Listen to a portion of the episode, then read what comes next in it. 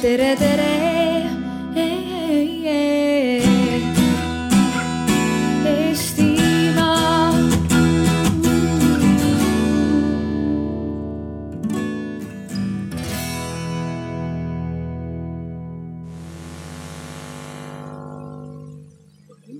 Nüüd oo. tere, head inimesed. kell on saanud kuus ja alustame luuleridadega. me kõik jääme vanaks, tead seistes peegli ees. aegade liiva oled ükskord tallanud oma tee. nii on öelnud kohalik tarbepoeet Sven Lõhmus ähm, Keter Jaani huulte läbi. tahtsin selle äh, luuletusega alustada äh, sellepärast, et ma arvan, et muusika maitse on üks asi, mis väga selgelt äh, illustreerib inimese vananemist. ja, ja sellest me täna tahamegi rääkida, et mis siis juhtub inimesega, kui ta vananeb ja need asjad, mis temaga juhtuvad. kuidas need puutuvad töösse.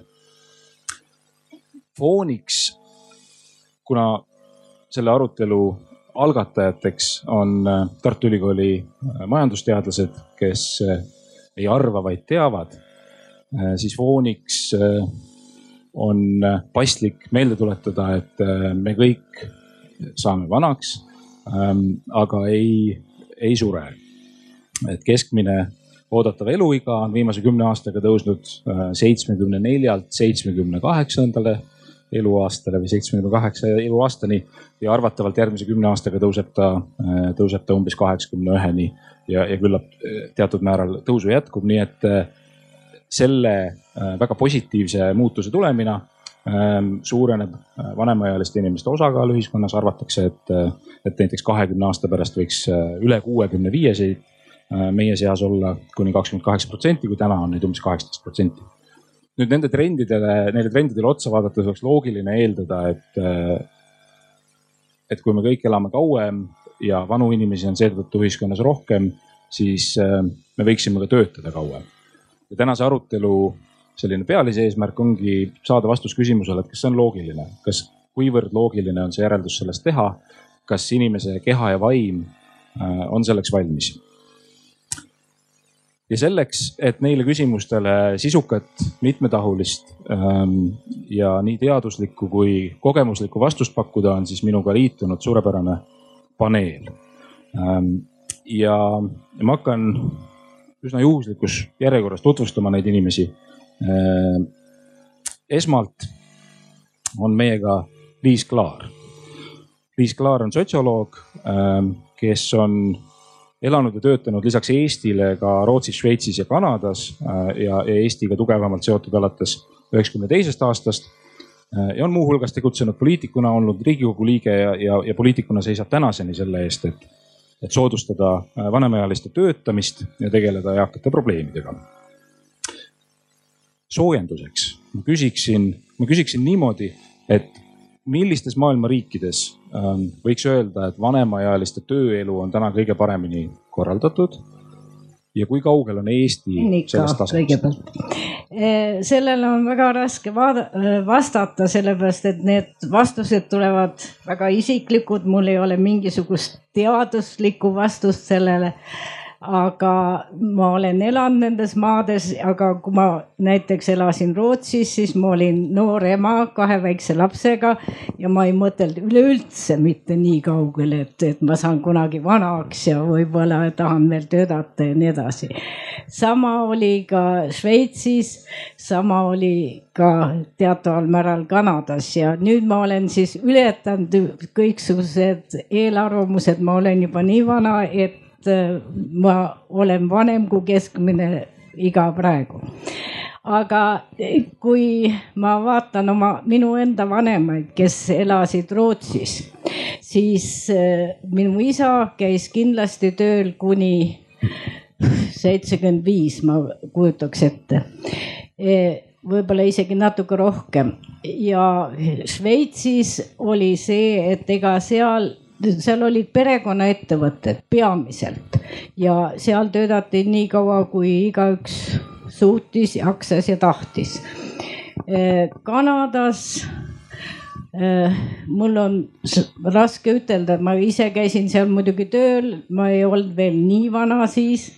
nii et, et sai ka. Rootsis ütles mu õde, kes on ülikooli professor emeritus, sellest meil veel juttu tuleb. ütles seda, et ei saa peale kuuekümne seitsmendat aastat sa ei saa pidada ühte riiklikku kohta, ühte tšensti, mis rootsi keeles on. aga sa võisid teha teaduslikku tööd, sa võisid teha projektides osaleda, sa võisid enda algatusel midagi peale hakata ja kõik nii edasi.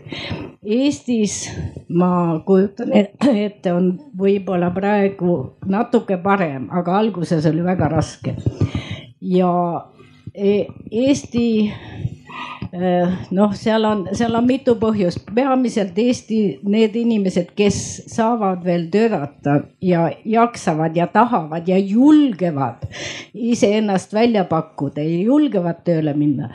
Need teeni-, teevad seda selleks, et lisateenistust saada Rootsis nad teevad seda rohkem sellepärast, et saada seda sotsiaalset ühiskonda, sul on koht, kuhu sa lähed, sa paned ennast riide, sa tead kindlatel päevadel, et sa saad minna. Ja mis minu meelest on väga tähtis, on see, et me ei saa nõuda ühe vanema inimese käest, et ta käib täisajaga tööl, vaid tal peab olema võimalus käia kas kolm-neli-viis tundi päevas või mõned päevad nädalas. ja, ja tunda ennast ühiskonnas, et, et teda on vaja see tahe, et, et tal oleks see tundmine, et mind on vaja, minu teadmisi on vaja ja, ja et teda siis selle eest ka mitte premeeritakse, aga võetakse nagu omasugust ja mitte mingisugune, et ma tulen tead põrandaid pesema või, või teen seda tööd, mida keegi teine ei taha teha. nii, saame, aitäh, saame kohe kontrollida seda, et, et mis on need põhjused, mis Äh, toovad vanemaid inimesi täna, täna töökohtadele. Ähm, sellepärast, et ühe huvitava vaate sellele pakub ähm, Kaire Tero, kes on Rimi Eesti personalijuht. Ähm, ja Rimi on hiljuti äh, tuntust kogunud ja silma jäänud äh, spetsiaalselt vanemale töötajale suunatud, suunatud kampaaniaga. ja, ja ma alustuseks küsikski sinult, et võib-olla sa lühidalt võiksid sellest kampaaniast rääkida, et milles see seisnes Ähm, ja milline teie kogemus oli selles osas, et mis tõi äh, inimesi kandideerima teie juurde tööle, vanemaealisi inimesi? Äh, tere õhtust kõigile, nii tore, et te kuulama tulite äh, eelmisel sügisel tuli jah Rimi välja tõepoolest sotsiaalkampaaniaga Vanus ei loe. me nägime, et ühiskonnas on üks terav probleem, mis ei ole piisavalt palju tähelepanu saanud ja püüdsime siis ühiskonnas natukene seda teemat äh, välja tuua ja, ja tahtsime siis näidata, et ka vanemad inimesed on, on tööturul tegelikult väga oodatud ja mitte lihtsalt oodatud, vaid ka väga hinnatud äh, kui sa küsid seda, et, et millised inimesed siis kandideerisid või kuidas see mõjus meile, meile tööle tulijate osas, siis äh, see oli mõnevõrra üllatav. kandideeris äh, ka nii-öelda seda sihtrühma, neid vanemaid inimesi, aga oma võimaluse leidsid näiteks ka alaealised, sest vanus ei loe. ja teisest küljest äh, suurenes ka ülejäänud vanusegruppide kandideerimise arv, sest leiti, et me oleme sotsiaalselt vastutustundlikud, inimestele meeldis see et me kõnetasime ühiskonda sellel teemal ja see kuidagi äh, tugevdas ka meie kui ettevõtte imidžit selles osas, äh, mida me siis oma inimeste heaks teeme ja, ja kes meile tööle on oodatud. -hmm. aitäh.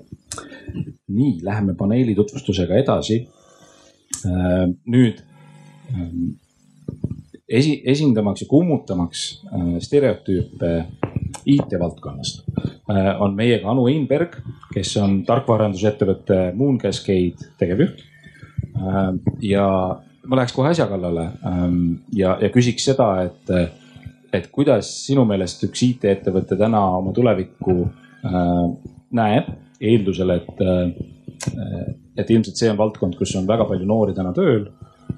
ja, ja kas tulevik näeb välja selline, et need noored jäävad tööle, kasvavad kõik vanaks peegli ees ja, ja kõik jätkub samamoodi või te vahetate pidevalt ähm, nagu sellised vampiirid ähm, nagu noorema vere vastu oma töötajaid?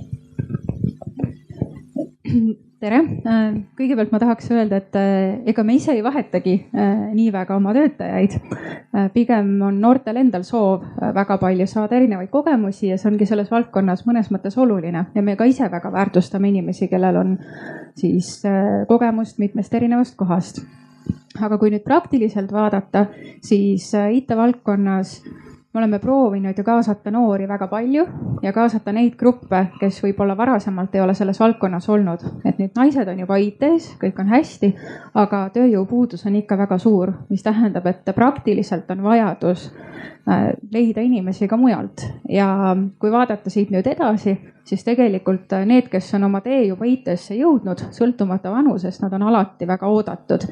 et äh, ei, ei saa küll öelda, et, et vanus ise oleks määraja. küll aga ma leian, et ettevõtte kultuuri kasvatades me ei ole täna võib-olla selleks nii väga valmis. et millega me oleme valmis, on füüsiline keskkond ähm, IT-ettevõtted, kusjuures on füüsilises mõttes just vanemaealistele väga hea töökoht, et mõeldakse väga palju ergonoomikale. istuda saab äh, istepalli peal, kui seljaprobleemid on, saab töötada seisulaua tagant, saab töötada väga hea ergonoomilise tooli tagant, ehk siis ükski seljaprobleem, mis võib-olla vanematel inimestel on tihedam, ei ole kunagi nagu IT-ettevõttes probleem. töötada saab erinevatel aegadel ja osakoormusega, et need tingimused on kõik juba täidetud. aga mis ei ole täidetud, on see, et äh, kuidas me oma kultuuri kujundame, et keskmine IT-ettevõte on ikkagi sellise noh, kahekümne seitsme aastase noormehe nägu. aitäh. Ain Heinaru on äh, Tartu Ülikooli geneetikaprofessor ja Kaitseväe Akadeemia teadus- ja arendusnõunik. ja,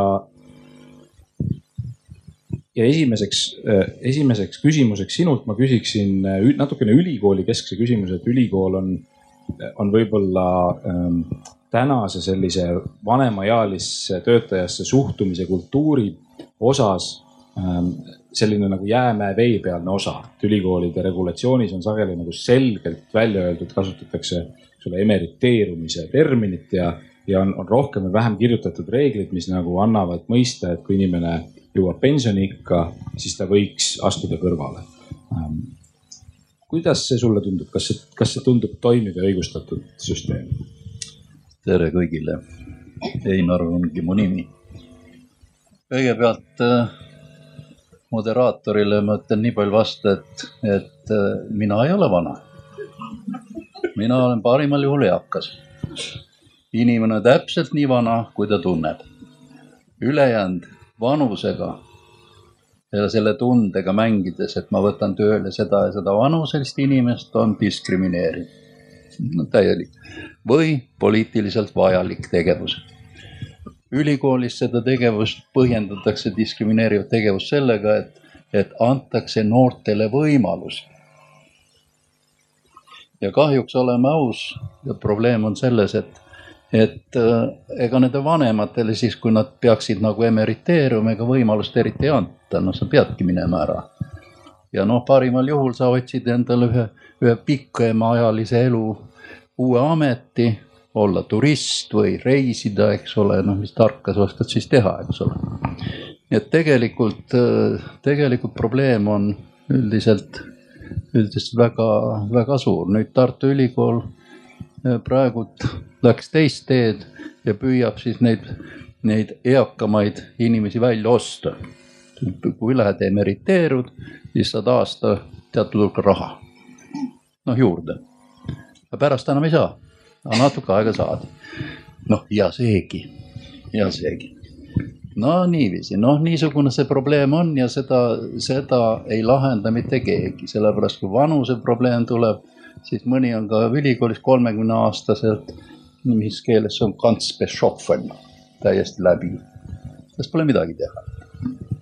teine on mingites kaugemates ja, ja tudengitega on niisugune asi, et, et seal ainukene kriteerium on see, et, et see õppejõud peab olema tark, seda kannatatakse välja tal kaubanduslik välimust ei pruugi olla, kui ta on tark.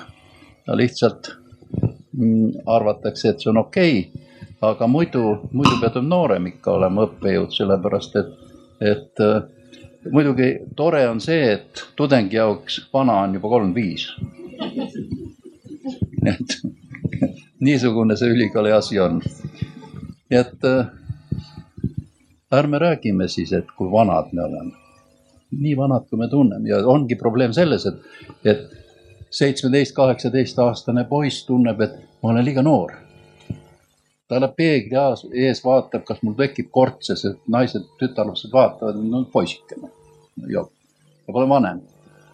nii et ärme seda vanadust nii väga, väga võtke.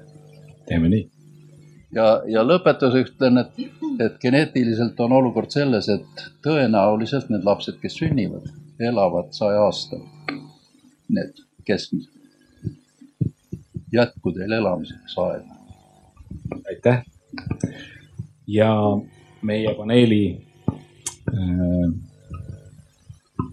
kirsiks tordil ähm, on perearst ja Tartu Ülikooli peremeditsiini ja rahvatervishoiu instituudi juhataja Rütt Kalda. Ähm, sulle selline arsti küsimus, et, et, et mis vanuses on, on töötamine tervist kahjustav? ütlen ühe vanuse või? Et tegelikkuses hästi mitmetahuline küsimus, et võime vastata pikemalt kui numbriga et ähm, ma ütleks, et see ei olegi vanusega seotud.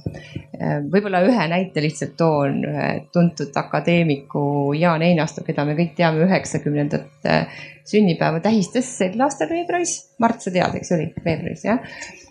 et äh, on midagi nagu näha, et see vanus oleks tema tervist kahjustanud, tema jätkuvat suutlikkust teadusmaailmas kaasa rääkida ei ole eks. ehk et see on hästi nagu individuaalne, ma arvan, ja ei ole üldse mitte vanusest sõltuv ja pigem äh, ma olen huvitavaid uuringuid lugenud, selliseid äh, teadusuuringuid, mis on ka sellised jälgimisuuringud, kümneid, viisteist aastat kestvad, mis näitavad seda, et, et kui inimesed jätkavad nii-öelda pärast pensioneerumisiga, mis võib olla erinevates riikides erinev.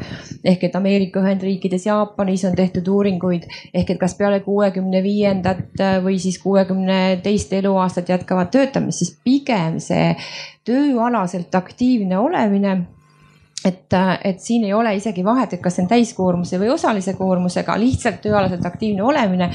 et see kaitseb nii mentaalse kui ka füüsilise sellise allakäigu eest.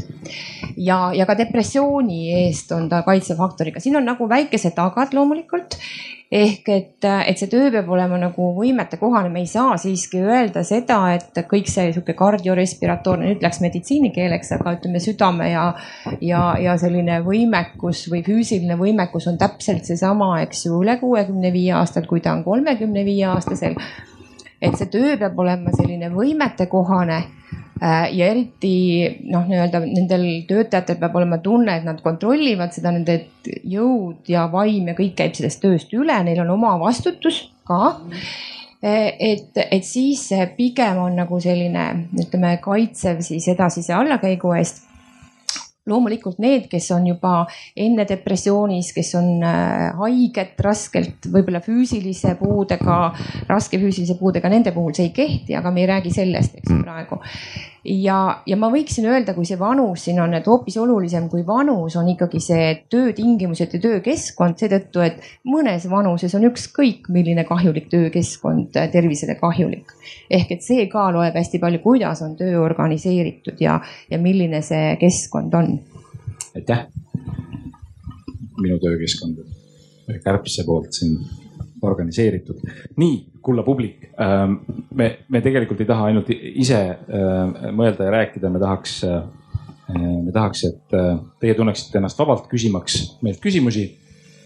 ja siis on ähm, selleks siin selline, selline riistapuu, mida siis ma saan heita inimestele või, või tuua Ähm, kes soovivad küsida või, või midagi, midagi sekka öelda, tehke seda kindlasti. Ähm, aga enne, enne kui, kui teil, ähm, kui teil nagu keelepaelad valla saavad, et, et võib-olla teeme sihukest äh, žestikuleerides suhtlemist natukene, et äh, mind huvitaks see, kui vanalt keegi ise sooviks töötamist lõpetada. või kui te olete selle, selle sammu elus juba astunud, et millises vanuses te lõpetasite töötamise. ehk siis küsimus on see, et kui te, kui te olete äh, töötamise lõpetanud, siis mis vanuses te seda tegite ja kui te seda veel ei ole teinud, et, et mõelge välja üks selline aasta äh, vanusenumber, äh, millal te tahaksite töötamise lõpetada. ja tõstke käsi, kellele see aastanumber jääb alla kuuekümne nelja. üks, tõstke käsi, kellele see aastanumber jääb ütleme kuuekümne viie ja kuuekümne üheksa vahele nende, nende arvude sisse. kolm, neli, viis, kuus. kellel see võiks jääda vahemikku seitsekümmend kuni seitsekümmend neli? kolm, neli, viis, kuus, seitse ja rohkem. Ähm, ja kellel see võiks jääda seitsmekümne viiest alates kõrgemale? umbes sama, umbes sama nii et siin on toredasti paljusust, ähm, mille juurest võiks äh, minna äh, sellist, et nüüd algab, algab plokk, mille nimi on definitsiooni küsimus. meil on, meil on antud ette teema, ähm, mis sisaldab mõnda väga-väga laetud mõistet. Äh, ja üks nendest laetud mõistetest, millele on korraga viidatud, on, on vana. et, et kui, kui vana on vana? Nii nagu sa iseennast tunned minu arust. ja peeglis, siin oli juttu, et vaata peeglisse, no peeglisse võib-olla ei tahagi vaadata enam no,, aga, aga tunne ja, ja kuidas see töökoht on ja mid, mida sa teed, kas see on sulle endale huvitav. see on võib-olla rohkem niisugune mitte tööandja seisukohast, vaid iseenda seisukohast, kuidas ma tunnen, ma tahan seda teha ja, ja siis ma teen seda ja ma teen seda hästi ja kui ma saan, saan selle eest tunnustust, veel parem. Rutt, kas see meditsiinis vahel üritatakse asju kuidagi nagu täpsustada, et kas, kas meditsiiniõpik ütleb, et jah, et on mingid tunnused, mille alusel me ütleme, et vot nüüd inimene on vana. päris nii ei ole seda aastatega jällegi paika pandud ja ma tegelikult tuleksin tagasi selle juurde, mida ütles Ain Heinaru, et, et pigem võiks rääkida eakat definitsioonist, kuigi minu meelest ka see vajaks ümbervaatamist, sest praegu kehtiva definitsiooni kohaselt on see kuuskümmend viis ja üle, aga mulle tundub, et keskmise eluea kasvuga ja, ja ka selle noh, nii-öelda põhimõtteliselt meie parema funktsioneerimisega ja ka sotsiaalse keskkonna paranemisega, kus inimesed elavad lihtsalt paremini ja kauem. et ka see vajaks ülevaatamist. aga ma ise küll olen mõelnud selle üle, et mida tähendab tähendab äh, nagu termin vana ja mida tähendab, samamoodi tegelikult on keeruline definitsioon tervis. ehk et seal on, see on nii mitmepalgeline ja see muutub ajas meie jaoks. ja, ja see mõiste vana muutub kindlasti, et kui ma olen kolmekümne viie aastane, mida see tähendab minu jaoks ja mida tähendab see, kui ma olen viiskümmend viis või siis juba seitsekümmend viis. ehk et see on nii subjektiivne nagu definitsioon terviski ehk et ühel hetkel enam ei ole tervis sinu jaoks mitte see, et sul pole ühtegi haigust, vaid see on hoopis see, kuidas ma vaatamata kõigele sellele toime tulen ja kuidas mind toetab ühiskond või keskkond selleks, et ma tuleksin toime. ja kas ma olen täisväärtuslik funktsioneerija siiski edasi, eks ju, vaatamata kõikidele nendele haigustele, mis võib olla. samamoodi ma arvan, see vana või vanus on pigem nagu see, et, et see, see mõiste on selline, ta omab nii palju nagu selliseid aspekte ja ma arvan, et inimene on vana siis, kui ta tunneb, et ta ei tule enam asjadega toime. aga kui kõik toetab ümberringi, tema hoiak toetab, tema keskkond toetab ja ta on nagu noh, nii-öelda toimetulev, siis ta, siis ta nagu ei mõtle ennast kui vanast. ma olen pannud tähele, et inimene hakkab mõtlema ennast kui vanast, kui ta juba enam ei saa hakkama. Mhm, tohib? jah. Okei, äh, bioloogiliselt on siin üks häda küll natukene juures või ütleme geneetiliselt, need on kurvad ja siis õnnelikud momendid. esiteks on niisugune, et kui sa, kui sa elad üle Kristuse ea, see oli vist kuskil kolm kolm jah, siis sul südam, kaasasündinud südamehäireid sul ei ole, sa elad edasi, sa ei ole surnud nüüd, kui sa elad nelikümmend kaks aastat oled juba elanud, siis on teine õnnelik moment, siis üle kakskümmend või kakskümmend viis protsenti vähijuhtudest sind enam ei tabanda, sest sa oleks surnud. sind ei ole enam siis.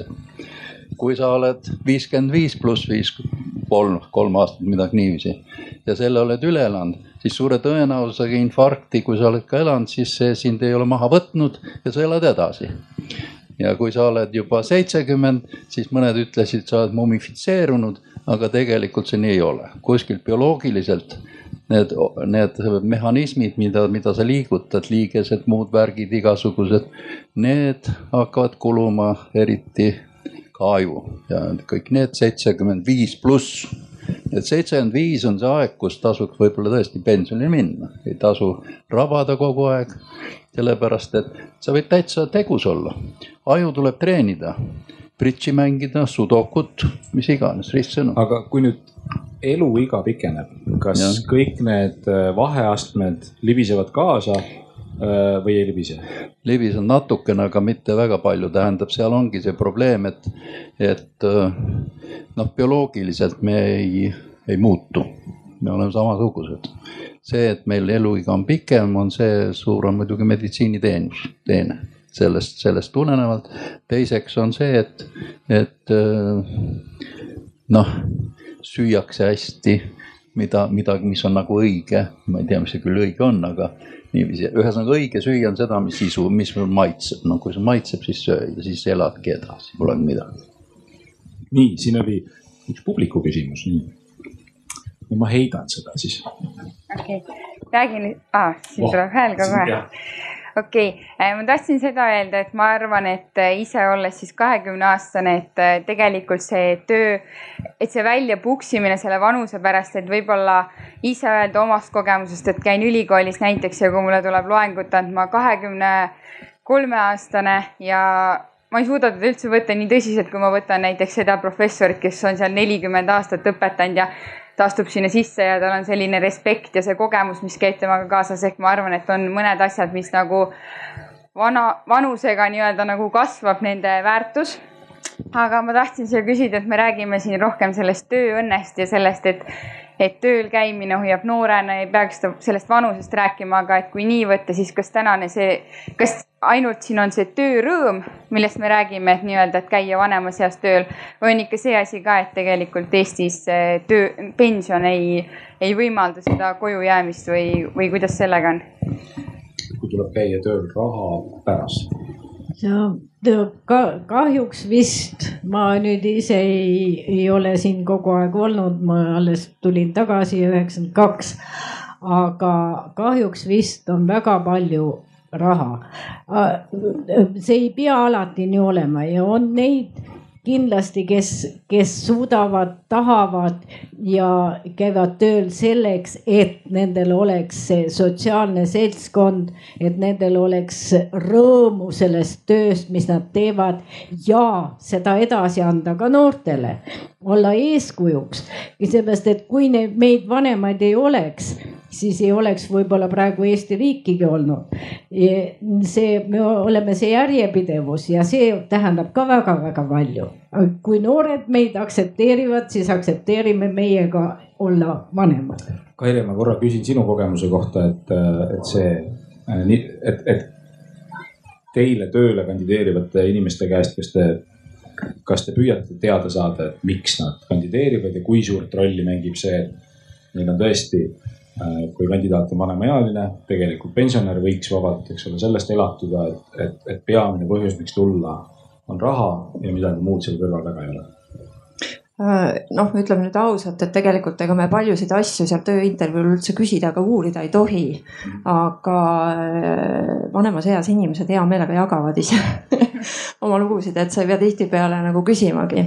ma ütleks, et võib-olla see raha pärast tööl käimine Äh, puudutab äh, peamiselt vaid, äh, peamiselt üksinda elavaid eakamaid inimesi. et kui sul on kaaslane kõrval, siis on ka tegelikult majanduslikult lihtsam hakkama saada. aga noh, teatud vanusega juba, juba kaasneb see, et võib-olla kaaslane on kõrvalt lahkunud, oledki üksi jäänud ja teisalt äh, nendel samadel inimestel on see sotsiaalne teema ka hästi tugevalt pildil. Nad tahavad olla kuskil vajalikud, nad tahavad kuhugi kuuluda, nad vajavad seda sotsiaalset elu. et mina võin küll meie näite põhjal öelda, et pigem saab määravaks just see soov olla kuskil vajalik, teha midagi, olla, olla osa sellest sotsiaalsest grupist Äh, jagada tegelikult oma seda elukogemust, et äh, meie ettevõtte näitel need äh, vanemas eas inimesed annavad nagu kuidagi sellele meeskonnale või tiimile tohutult juurde just oma selle elutarkuse ja elukogemuse ja selle rahu ja, ja, ja kuidagi kõige selle, selle fooniga, et äh, ma, ma ei, ma ei julgeks väita, et see raha on nüüd nagu see peamine, aga ma usun, et kindlasti ta osade vanemate inimeste jaoks on põhjus, miks tööl käia. ilmselt see, et, et ei ole mingit põhjust arvata, et erinevad motiivid ei võiks korraga olla, olla olulised um,. ma tahaksin korra veel uh, oma definitsiooni küsimuste kallal nokkida, kuna, kuna ma olen ka sealt ülikoolist kahekümne kolme aastaselt ei, õnneks ei lasta üldse loengut pidama.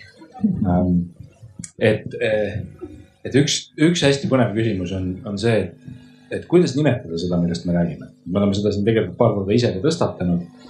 Ähm, et kas öelda vana, kas öelda eakas. Ähm, ma toon lihtsalt näite sellest, et mulle tundub, et, et et eesti keel ei ole selles mõttes väga armuline, ilmselt ka teised keeled ei ole väga armulised. et, et erinevate terminite, vanust tähistavate terminite kaastähendused on, äh, on pigem negatiivse varjundiga. lihtsalt ühelt teiselt lavalt ma kuulsin eriti vastiku näite, et, et, et, et me teame, et on olemas distsipliin nimega pedagoogika, see uurib seda, kuidas õpetada lapsi. On olemas distsipliin nimega andragoogika, mis uurib seda, kuidas õpetada äh, täiskasvanuid. Ja väidetavalt on, on tõusvalt äh, arenev distsipliin gerontokoogika. just nimelt. Mis äh, uurib siis seda, et, et ka vanemas eas on võimalik õppida, kas teil on lemmikterminit, mida, mida kasutada vanemaealise töötaja, äh, vanemaealise inimese kohta üleüldse? mina juba ütlesin eakas sellepärast, et, et see on inimesele omane. koerad, kassid ei ole eakad vanad või noored. ja ainult inimesel on küsimus eakusest mm. -hmm ja ma tahtsin ka öelda eakas, aga ma ikkagi tuleksin tagasi selle juurde, et kuuskümmend viis mu meelest veel ei ole veel. aga, aga mis on kirjanduses tõesti terminis on huvitav, et kui ingliskeelset kirjandust lugedes jagatakse see eakas veel old elderly and very old elderly ja siis veel edasi, et, et selline, seal on ka kategoriseerimine veel meil oli ka suur diskussioon, kui me eelmisel aastal oma äh, kampaaniat kokku panime, et äh, milliseid mõisteid me seal kasutame ja, ja siis käisid läbi ka sellised mõisted nagu väärikas iga ja küpsemas eas ja ja sellised natukene teistsuguse alatooniga, et me kindlasti tahtsime, et see sõnum oleks igal juhul mitte väga laetud sellest east ja vanusest. publikul on ettepanekuid, et mis oleks? jah üks, mida laialt kasutatakse, on seenior nagu mõistena, et peaks olema vähesolvav. aga seda väärikat on ka proovitud rakendada väärikate kogu, vanemate kogu asemel ja, ja niimoodi. aga ma tahtsin öelda, et spordis on kõik väga lihtsaks tehtud, seal on vanuseklassid ja need hakkavad kolmekümne viiest peale. mis veteran olla kolmekümne viiest? jah, et me jah, jah. muide, see on õige, teaduses on ka kolmkümmend viis, enam palju see grant enam ei saa välismaalt, ei saa minna, kolmkümmend viis oled vana aga seenior, kas seenior tundub üsna selline laenguvaba? aga seenior on minu meelest on rohkem meestele. Seniorita võiks meil olla. aga see sobib see läheb hästi. aga, aga jah, ei tea, elderly on, on väga hea väljendus ja, ja aga see meil ei lähe. ei no eakad, eakaga peame võib-olla leppima, aga seda ei tohi panna ühe aastaarvudega kokku mm. -hmm sellepärast, et, et üks on eakas viiekümne viieselt ja teine on kaheksakümne viieselt võib-olla või niimoodi tunneb ennast. mina, see väärikas vananemine on, on üks termin, mis mulle kangesti meeldib ja üks teine asi on, eh, et üksildus tapab mm. -hmm need, kes jäävad ikka üksi, nendele on see töö käimine mitte ainult see raha, vaid just see sotsiaalne läbikäimine, see on väga tähtis. nii um,, peame siis silmas seda, et, et seda nähtust, mida me kirjeldame, võib ja tasubki erinevate terminitega tähistada um,. viimane definitsioon, millest ma räägiks hästi lühidalt, on see, et me tegelikult oleme ettevalmistusprotsessi käigus selle omavahel kokku leppinud, et kui me ütleme töö, et siis me ei pea väga rangelt silmas uh, täisajaga tööd, tasustatud tööd, et see, et see võib olla vabatahtlik tegevus ja ka töö definitsioon on küllaltki selline lai ja paindlik. aga nüüd ma tahaksin minna edasi ähm, meie arutelu ähm, segmendi juurde, mille pealkiri võiks olla fakt või müüt. Äh, ja, ja me oleme äh, sõnastanud mõned sellised väited, mille kohta võiks äh, küsida, et kas tegemist on põhimõtteliselt faktiga või, või tegelikult rohkem müüdiga ja siin ma ka paluks publiku, publiku osalust. Ähm, et ma, ma loen selle väite ette ja, ja siis me paneeliga kommenteerime seda väidet. aga et enne kui me seda tegema hakkame, et siis te võiksite oma arvamusest märku anda näiteks niimoodi, et kui te arvate, et see väide on müüt, et siis te, siis te ütlete mm.. ja siis, kui te arvate, et see väide on fakt, et siis te ütlete. fakt või müüt? vanemaealised töötajad ei ole piisavalt produktiivsed nii, ma ei ole üldse kallutanud seda hääletust äh, müüdi poole, aga et mulle tundub, et müüt äh, äh, publiku seast sai vähemalt kerge toetuse. aga mida meie paneel arvab? võib-olla Anu, ma tean, et, et sinuga me oleme kohtunud ka ülikoolis ja, ja, ja sinul on psühholoogi haridus, ähm, mis, mis võiks sobida sellele küsimusele vastamiseks, et, et, et kuidas sulle juhi ja psühholoogina tundub, mida teeb vanus produktiivsusega? Ähm, mulle tundub, et äh, noh, produktiivsus tuleb päris palju sellisest enesedistsipliinist ja enesedistsipliini on kohutavalt raske harjutada. mida noorem oled, seda kehvem lugu sellega tihtipeale on. ja kui vaadata ka enda kolleegide peal, siis äh, mõnes mõttes vanus tuleb produktiivsusele abiks. et äh, paljudel tuleb juba seetõttu, et kellel on olnud väiksed lapsed, siis nad õpivad ära aja planeerimise, sest oli vaja. ja äh, mulle tundub ka meie natuke vanemate töötajate puhul, et nende isiklik aeg on nende jaoks nii palju väärtuslikum et nad on selle sees võib-olla produktiivsemad. aga ma ei saa öelda tingimata, et seal on suur jaotus, et ma lihtsalt igapäevaselt ei näegi, et seal oleks nagu väga vahet mis teie arvate? vahe võib-olla oli, mida mina tundsin kunagi, oli see, et kui sa olid naine, siis sa pidid töötama sada kümme või sada kakskümmend protsenti, et võistelda oma meeskolleegidega. ja nüüd, kui vanemas eas võib-olla täpselt niisugust tunnet ei ole, aga siiski teataval määral jah, sa oled, sa oled rohkem kontsentreeritud, sa teed seda tööd siis, kui sa seda tööd teed ja siis jätad selle võib-olla sinna paika ja teed midagi muud, et sa suudad olla rohkem kontsentreeritud.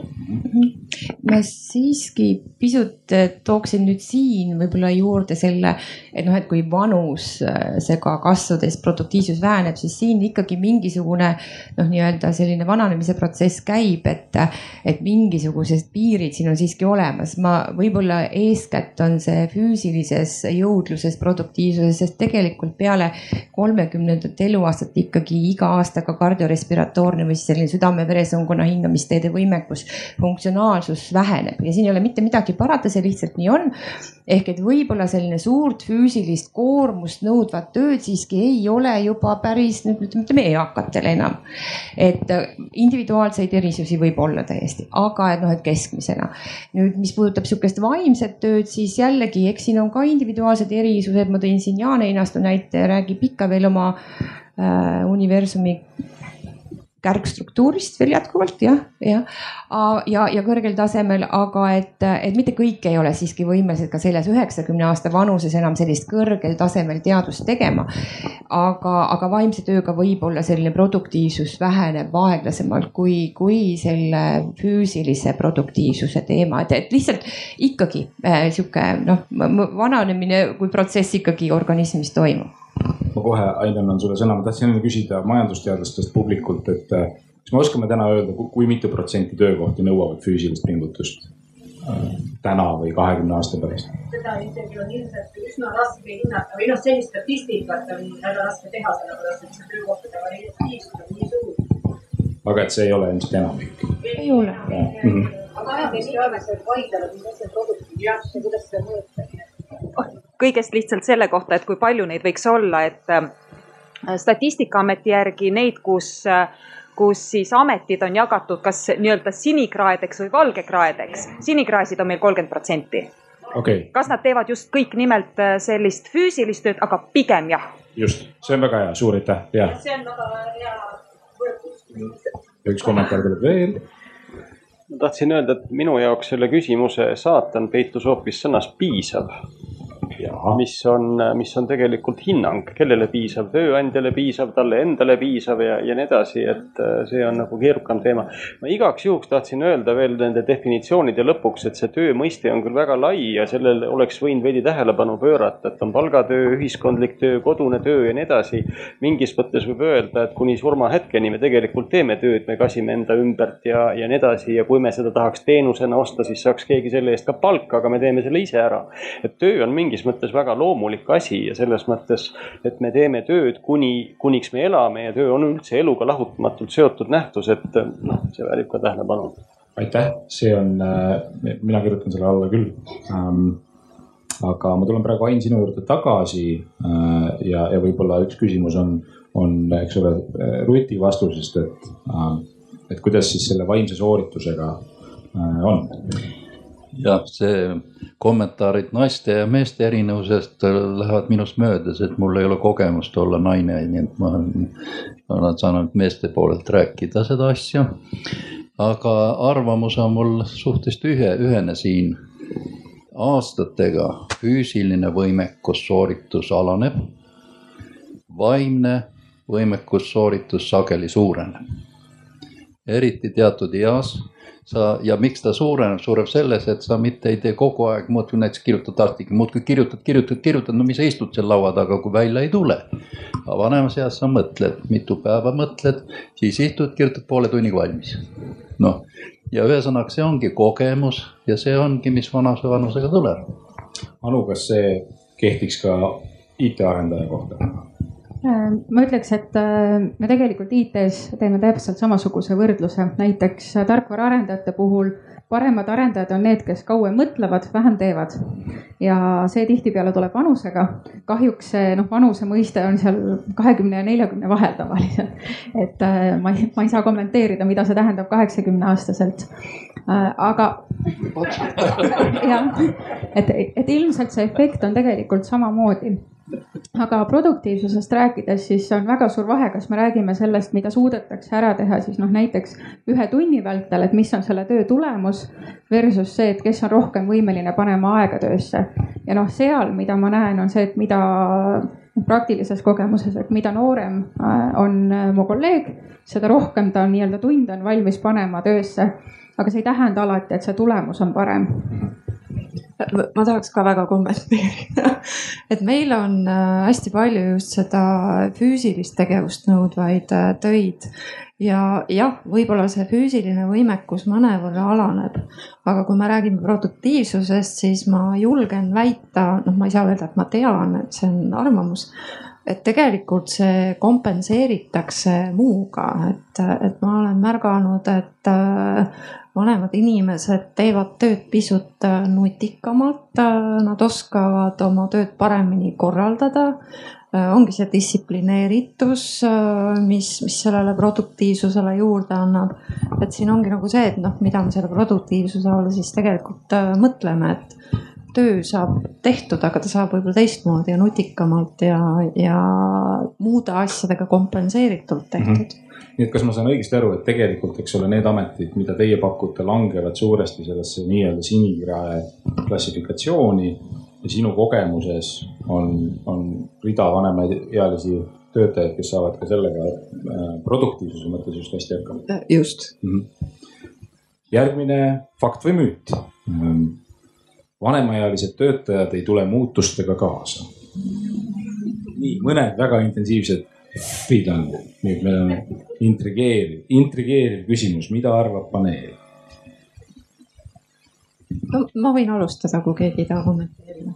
Äh, mina ei näe suurt erinevust praktikuna nooremas vanuserühmas ja vanemas vanuserühmas, et nii nagu äh, kõikides vanuserühmades on neid, kes tulevad muudatustega kaasa ja kes ei tule, nii on see ka, ka vanemas seltskonnas ja ja tihtipeale on võib-olla nemad just need, kes oma selle elukogemuse ja elutarkuse pealt suudavad ka teised kaasa haarata, et äh, mina selle müüdi kummutaks küll puhtalt praktikuna. on sul või saad sa äkki isegi mingi näite tuua või, et, et mingisugusest muutused, et missugused muutused seal Rimis no me oleme viimased aastad päris oluliselt äh, muutnud oma töökorraldust ja, ja toonud ettevõttesse sellise mõtteviisi ja, ja protsessid nagu, nagu seda on liin. ja tihtipeale just need äh, kogenumad äh, väärikas eas inimesed on just need, kes tahakski kohe käed külge panna, no tuleb ära teha, et teeme siis ära, et mis me siis pikalt mõtleme. kes veel? Ei, ma, ma ühinen täitsa sellega, ma arvan, et need inimesed, kes vanemas eas või väärik, väärikas eas käivad tööl, nad on juba, juba selle mentaliteediga, et nad, kui nad tahavad tööl käia, siis nad käivad ka muutustega kaasas. kui nad seda ei tahaks, siis nad istuks kodus ja viriseks. jah, tohib. vaadake kui te käite tööl, nüüd ükspuha olete õppijad või olete mingi muu sinikrae, teete tööd, siis teatud ajaga töö muutub teil rutiinseks. Te tüdinete ära, te teete sama tööd. see tähendab, teaduse õppejõududel on see, et vahepeal neli aastat veel ära, neli-viis ja siis on sabbatical, et sa pead minema ennast harima. ja kui sa siis kuskil oled teises seltskonnas või teises kohas, siis siis tuled tagasi ja samas isegi samasugust tööd, sa teed uued paradigmad, mida hakkad tegema, sul on uued ideed, mida hakkad tegema, aga vanas kohas enam ei ole seda. seepärast sa muudkui istud, istud ja muudkui nagu teed seda tööd rutiinselt. ja see on, see on, ütleme, tööl käimisel väga-väga suur probleem ja siis tekibki või inimesed töötamisel nimetatakse selle, töötavad seda T-tähega agumiktunde noh, istumisega hommikust kaheksa tundi ja muudkui tööd, aga produktiivsust pole no.. ja seepärast ütleme, selle töö tegemisel on äärmiselt vaja, on, on vaheldus. ja siin ma ei usu, et ma, mina olen optimist ja ma olen näinud, et äh, see iga midagi ei loe, et tõepoolest on mõningad, kes arvutid ei ole ära õppinud ja nii. no igasuguseid inimesi on, teha nende hulgas, mõni on uhke selle üle noh, et, et tegi vanamoodi. sellele isegi tahaks natukene nagu, nagu all, alla joonida, et tõesti, et me oleme äh, maalinud üsna positiivse pildi sellisest nagu abstraktsel tasandil muutusest ja töökultuuri muutusest, töökorralduse muutusest, aga tõesti siuksed digipädevused, et, et, et Slacki on vaja kasutada. et, et kas et siin mulle tundub, et, et minu peas on küll nagu tugevam stereotüüp, et, et, et juba mulle tundub see Slack ikka nagu täiesti mõttetu, et, et äh, kuidas on, Anu, vaatan sulle otsa ma arvan, et see sõltub ikkagi rohkem sellest, et kui palju on kellelgi üldse nende digipädevustega kokkupuudet, et äh, mitte niivõrd nagu vanusest äh,. muidugi jah, nooremate seas tihtipeale on äh, lihtsalt see kokkupuude suurem, aga ei pruugi olla ja olles ka ise teinud siin kaks aastat tagasi Slacki kolimise üle, siis äh, pean ütlema, et ei olnud mingit vahet, et äh, kas vanemad või nooremad, äh, kellele ei meeldinud, need kurtsid ja kellele meeldis, need tulid kohe üle, aga oli vaja kolida ja saadi hakkama. et aga ma arvan, et siin ongi jah küsimus selles, et, et kui, kui paljudel inimestel üldse on piisavad digipädevused. nii, küsimus või kommentaar? tahtsin öelda, et muutusi peab põhjendama või, või motiveerima või selgitama. ja minu kah ikkagi pikaajaline kogemus juhina kinnitab seda, et see iga ei mängi rolli. Aga lihtsalt erinevas eas need argumendid või selgitused võivad olla erinevad, aga et kui sellesse tõsiselt suhtuda ja seda teha, siis tegelikult iga nüüd muutustele küll mingiks takistuseks ei ole. aga lõpetada tahtsin küsimusega, mis asi on Slack? jah, see on tõesti hea küsimus. see on nagu Skype, aga äh, uuem ja moodsam nii, aga, aga see on päris hea äh, koht, kus tõmmata joon, joon vahele meie fakti ja müüdi sektsioonile. et, äh, et me siin äh, ette valmistades natukene mõtlesime ka fakti ja müüdi peale, et, et vanemas eas töötatakse ennekõike raha pärast, millest me jõudsime juba enne rääkida. ja et, et mulle tundub, et, et see pilt, mida paneel ja, ja ka teie publikus olete maalinud ähm,, sisaldab ühte väga olulist sõnumit ja see sõnum on, on see, et et inimestevahelised muud parameetrid äh, määravad äh, vähemalt sama palju või rohkem kui vanus. et on, on noori inimesi, kes on konservatiivsed ja on vanu inimesi, kes on, kes on väga muutustaldid ja on noori inimesi, kes äh, on enesekontrolliga kimpus ja vanu inimesi, kes on ka enesekontrolliga kimpus. nii et puhtalt vanuse alusel teha otsust töötaja omaduste kohta on ilmselt lühinägelik. ja selle järelduse pealt on meil hea minna äh, arutelu teise ja viimase sellise sektsiooni juurde, kus me läheneme pealkirjas püstitatud küsimusele ja hakkame rääkima sellest, et kui me nüüd oleme silmitsi äh, senioride ja senioritadega ähm, tööd korraldades, äh, neid juhtides, töökohti luues, siis mida peaks tegema ja mida saaks teha, et, et vanemaealistel inimestel oleks, oleks hea töötada ma arvan, et enne kui me hakkame päris lahendusi ähm, lauda käima, siis, siis ma fooniks küsin äh,, milline on teie tunnetus äh, sellest, et, et kui palju täna jääb vanemaealine inimene nii-öelda ülekohtuselt äh, võimalustest ilma, ehk et kui palju võiks, võiks äh, sellises üldises tähenduses olla ealist diskrimineerimist äh, tööle võtmisel ja, ja, ja tööle jäämisel? Mulle endale tundub, et see kõige suurem barjäär on kõige alguses, et äh, see, kuidas me üldse neid töökohti reklaamime. et äh, kui ma endale ise töötajaid otsin, siis tihtipeale need töökuulutused on noh, sellistes keskkondades, kus või lihtsalt vanem inimene ei käigi ja ta ei jõua mitte kunagi isegi kandideerimiseni ja see on kõige suurem väljakutse tegelikult.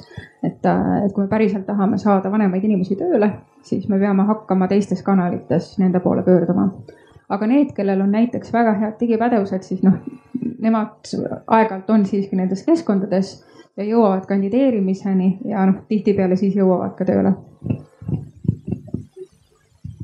Võin täitsa omalt poolt kinnitada seda, et, et äh, seda sihtrühma on raske nendes digikanalites püüda, et nemad tahavad tulla kohale, rääkida selle inimesega, kes mu juhiks saab. Äh, neil on vaja seda vahetut kontakti et see on nagu selline meie kogemus mm. -hmm. nii et meil on juba esimesed, esimesed nõuanded on, on lauale kogunemas, et, et vanemaealise värbamiseks on vaja minna kanalitesse, mida, mida sihtrühm äh, tarvitab um, üks valdkond, millest äh, on ka põgusalt juttu olnud, aga, aga prooviks või mind huvitaks veel konkreetsemalt küsimus, et, et mis selles füüsilises töökeskkonnas oleks sellist, mis muudab no,, muudab keskkonna easõbralikuks, nii et nii noorel kui vanal on seal, on seal mõnus olla. No ma arvan, et esiteks kõik, kuidas sa istud, nii nagu juttu oli, et, et on võimalus istuda nii ja naa valgus, kas on palju treppe üles minna või ja treppidel peaks olema käepidemed ja niimoodi. kõik see, kõik see mängib ka mingisugust rolli, et ei ole segavat lärmi ümberringi võib-olla ja palju seda, aga üks teine aspekt ka, mida võib-olla tööandja peaks mõtlema või õieti mitte tööandja, vaid seal on juba riik et maksustamine, et kui sa võtad kellegi tööle osaajaliselt, et sa siis ei pea ja, ja kui ta on juba vanem ja tal on, on need sotsiaalsed kindlustused olemas, et sa ei pea mitte maksma neid miinimimakse. see, see on ka üks takistav pidur võib-olla, et tööandjad ei võta võiks võtta, ütleme kaks inimest ühe töökoha täitmiseks, aga siis nad peavad kahekordselt neid makse maksma ja see ei tohiks nii olla. jah, ma isegi selle, selle riigi poolt tehtava hoiaks, hoiaks veel eraldi küsimuseks, ma arvan, see on hästi oluline. aga et veel tagasi selle füüsilise töökeskkonna mm -hmm. juurde. ma äh, tuleksin nüüd nagu oma liistude juurde ja, ja tervise juurde ja, ja haiguste juurde. Mm, et ma me, me oleme siin rääkinud sellest eluea kasvust, aga me ei ole rääkinud ühest asjast, mis, mis on see, et, et meil siiski ei ole mm, eluea kasvuga kaasas käinud tervena elatud eluaastate kasv, eks ju, ja see tähendab seda, et üha noh, nii-öelda enam elatakse koos haigustega, see tähendab ka seda, et üha enam elatakse, töötatakse koos haigustega. ja tänapäeva meditsiin võimaldab seda, et olles haige, võttes ravimeid, sa oled võimeline, eks ju, ka, ka siis kas, kas täisväärtuslikult täielikult või osakoormusega, kui ta noh, töötama ikkagi täiesti ja seda peaks olema võimalik nagu toetada. mida võib-olla te ei tea täpselt, aga mida meie eh, kaks tuhat seitseteist aasta mm, nii-öelda Eesti elanike ehk et haigekassa andmete põhjal, kus olid kõikide isikute andmed sees uurisime, on see, et kuuekümne viie kuni kaheksakümne nelja aastastel on Äh, keskmiselt kaheksakümne viiel protsendil kolm haigust erinevat ja üle kaheksakümne viie aastastel on neli erinevat haigust korraga. ja mis on kõige sagedasemad haigused on, eks ju, südame-veresoonkond, diabeet, liigeshaigused, need on need kõige sagedamad, kaasa arvatud, eks ju, nägemise, kuulmise probleemid ka ehk et kõik see töökeskkond peab seda nagu arvestama. ehk et äh, mis see ongi juba osaliselt, eks ju, räägitud liigesprobleemidega või, või need kuluvad ju vaatamata praegu ma arvan, et kõikide muude asjadega tullakse hästi toime, liigeskulumist siiski suhteliselt halvasti osatakse nagu ka peatada et mitte, mitte üldse, et, et, et see töökeskkond peab võimaldama näiteks piisavat vaheldust, äh, mitte nagu selliseid pidevaid stereotüüpseid asendeid, äh, eks ju, mugavaid asendeid, puhkeaegasid, kui võimalik mm, haigustega kaasas käivad äh, tervislikud toitumise võimalused näiteks ähm,. vahepeal kõndimine, vaimu noh, nagu väljalülitamine, et neid on nii palju asju, mida kõike nagu vaja, aga just nimelt arvestame seda, et inimesed siiski töötavad haiguste, haige, noh haigusi omades, mida öelda haige olles. haige ja haigused on erinevad asjad, eks ju üldse. aga, aga haigused nõuavad seda, et nendega peab arvestama, aga nendega saab elada ja töötada. Kaire, kas siin on midagi tuttavat? Ma võib-olla tooks selle nüansi siin välja, et töökeskkond peab olema turvaline ja ergonoomiline, olenemata vanusest et me ei saa rääkida ainult sellest, et kui inimene jõuab teatud ikka, siis tööandja peab hakkama mõtlema tema töökeskkonna kujundamise peale, et töökeskkonda peab kujundama kõigile töötajatele. ja ma siin nagu väga suuri erisusi oma ettevõtte põhjal isegi ei oska välja tuua, aga võib-olla meie eripära ongi see, et meil tegelikult on töötajate keskmine vanus nelikümmend viis. ja võib-olla kõik see, mida me oma töökeskkonnas teeme, tuleneb osaliselt võib-olla siis ka sellest mm. -hmm et, et ma julgeks küll väita, et me oleme mõelnud kõikide nende aspektide peale ja mis on hästi oluline veel, on see, et äh, töötajad ise peaksid kinni äh, nõuetest äh, töö tegemise ohutusele, kasutaksid äh, õigeid töövõtteid, et see aitab ka seda tervist säästa ja, ja, ja hoida, et noored inimesed võib-olla on vähem vastutustundlikud ka selles osas, et kiputakse ennast lõhkuma. okei okay.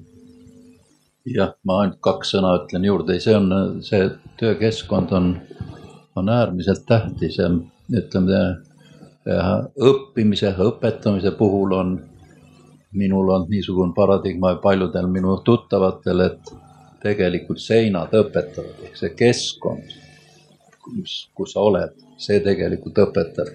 nii et õpetamisega üksi, ilma selle keskkonnata, see ei tulegi nii välja. teiste sõnadega see keskkond, nii nagu te ütlesite, see, see, see on füüsiline keskkond tegelikult, kus sa oled ja see annab selle efektiivsuse ja tahtmise seal töötada. ja nii ongi. nii, aga ma tahaksin nüüd hüpata võib-olla nagu põnevama keskkonna, sellise nähtamatu keskkonna juurde, kuhu, kuhu ma liigitaks võib-olla alustuseks töökorralduse ja siis võib-olla veel nähtamatuma sellise töökultuuri või, või organisatsiooni kultuuri.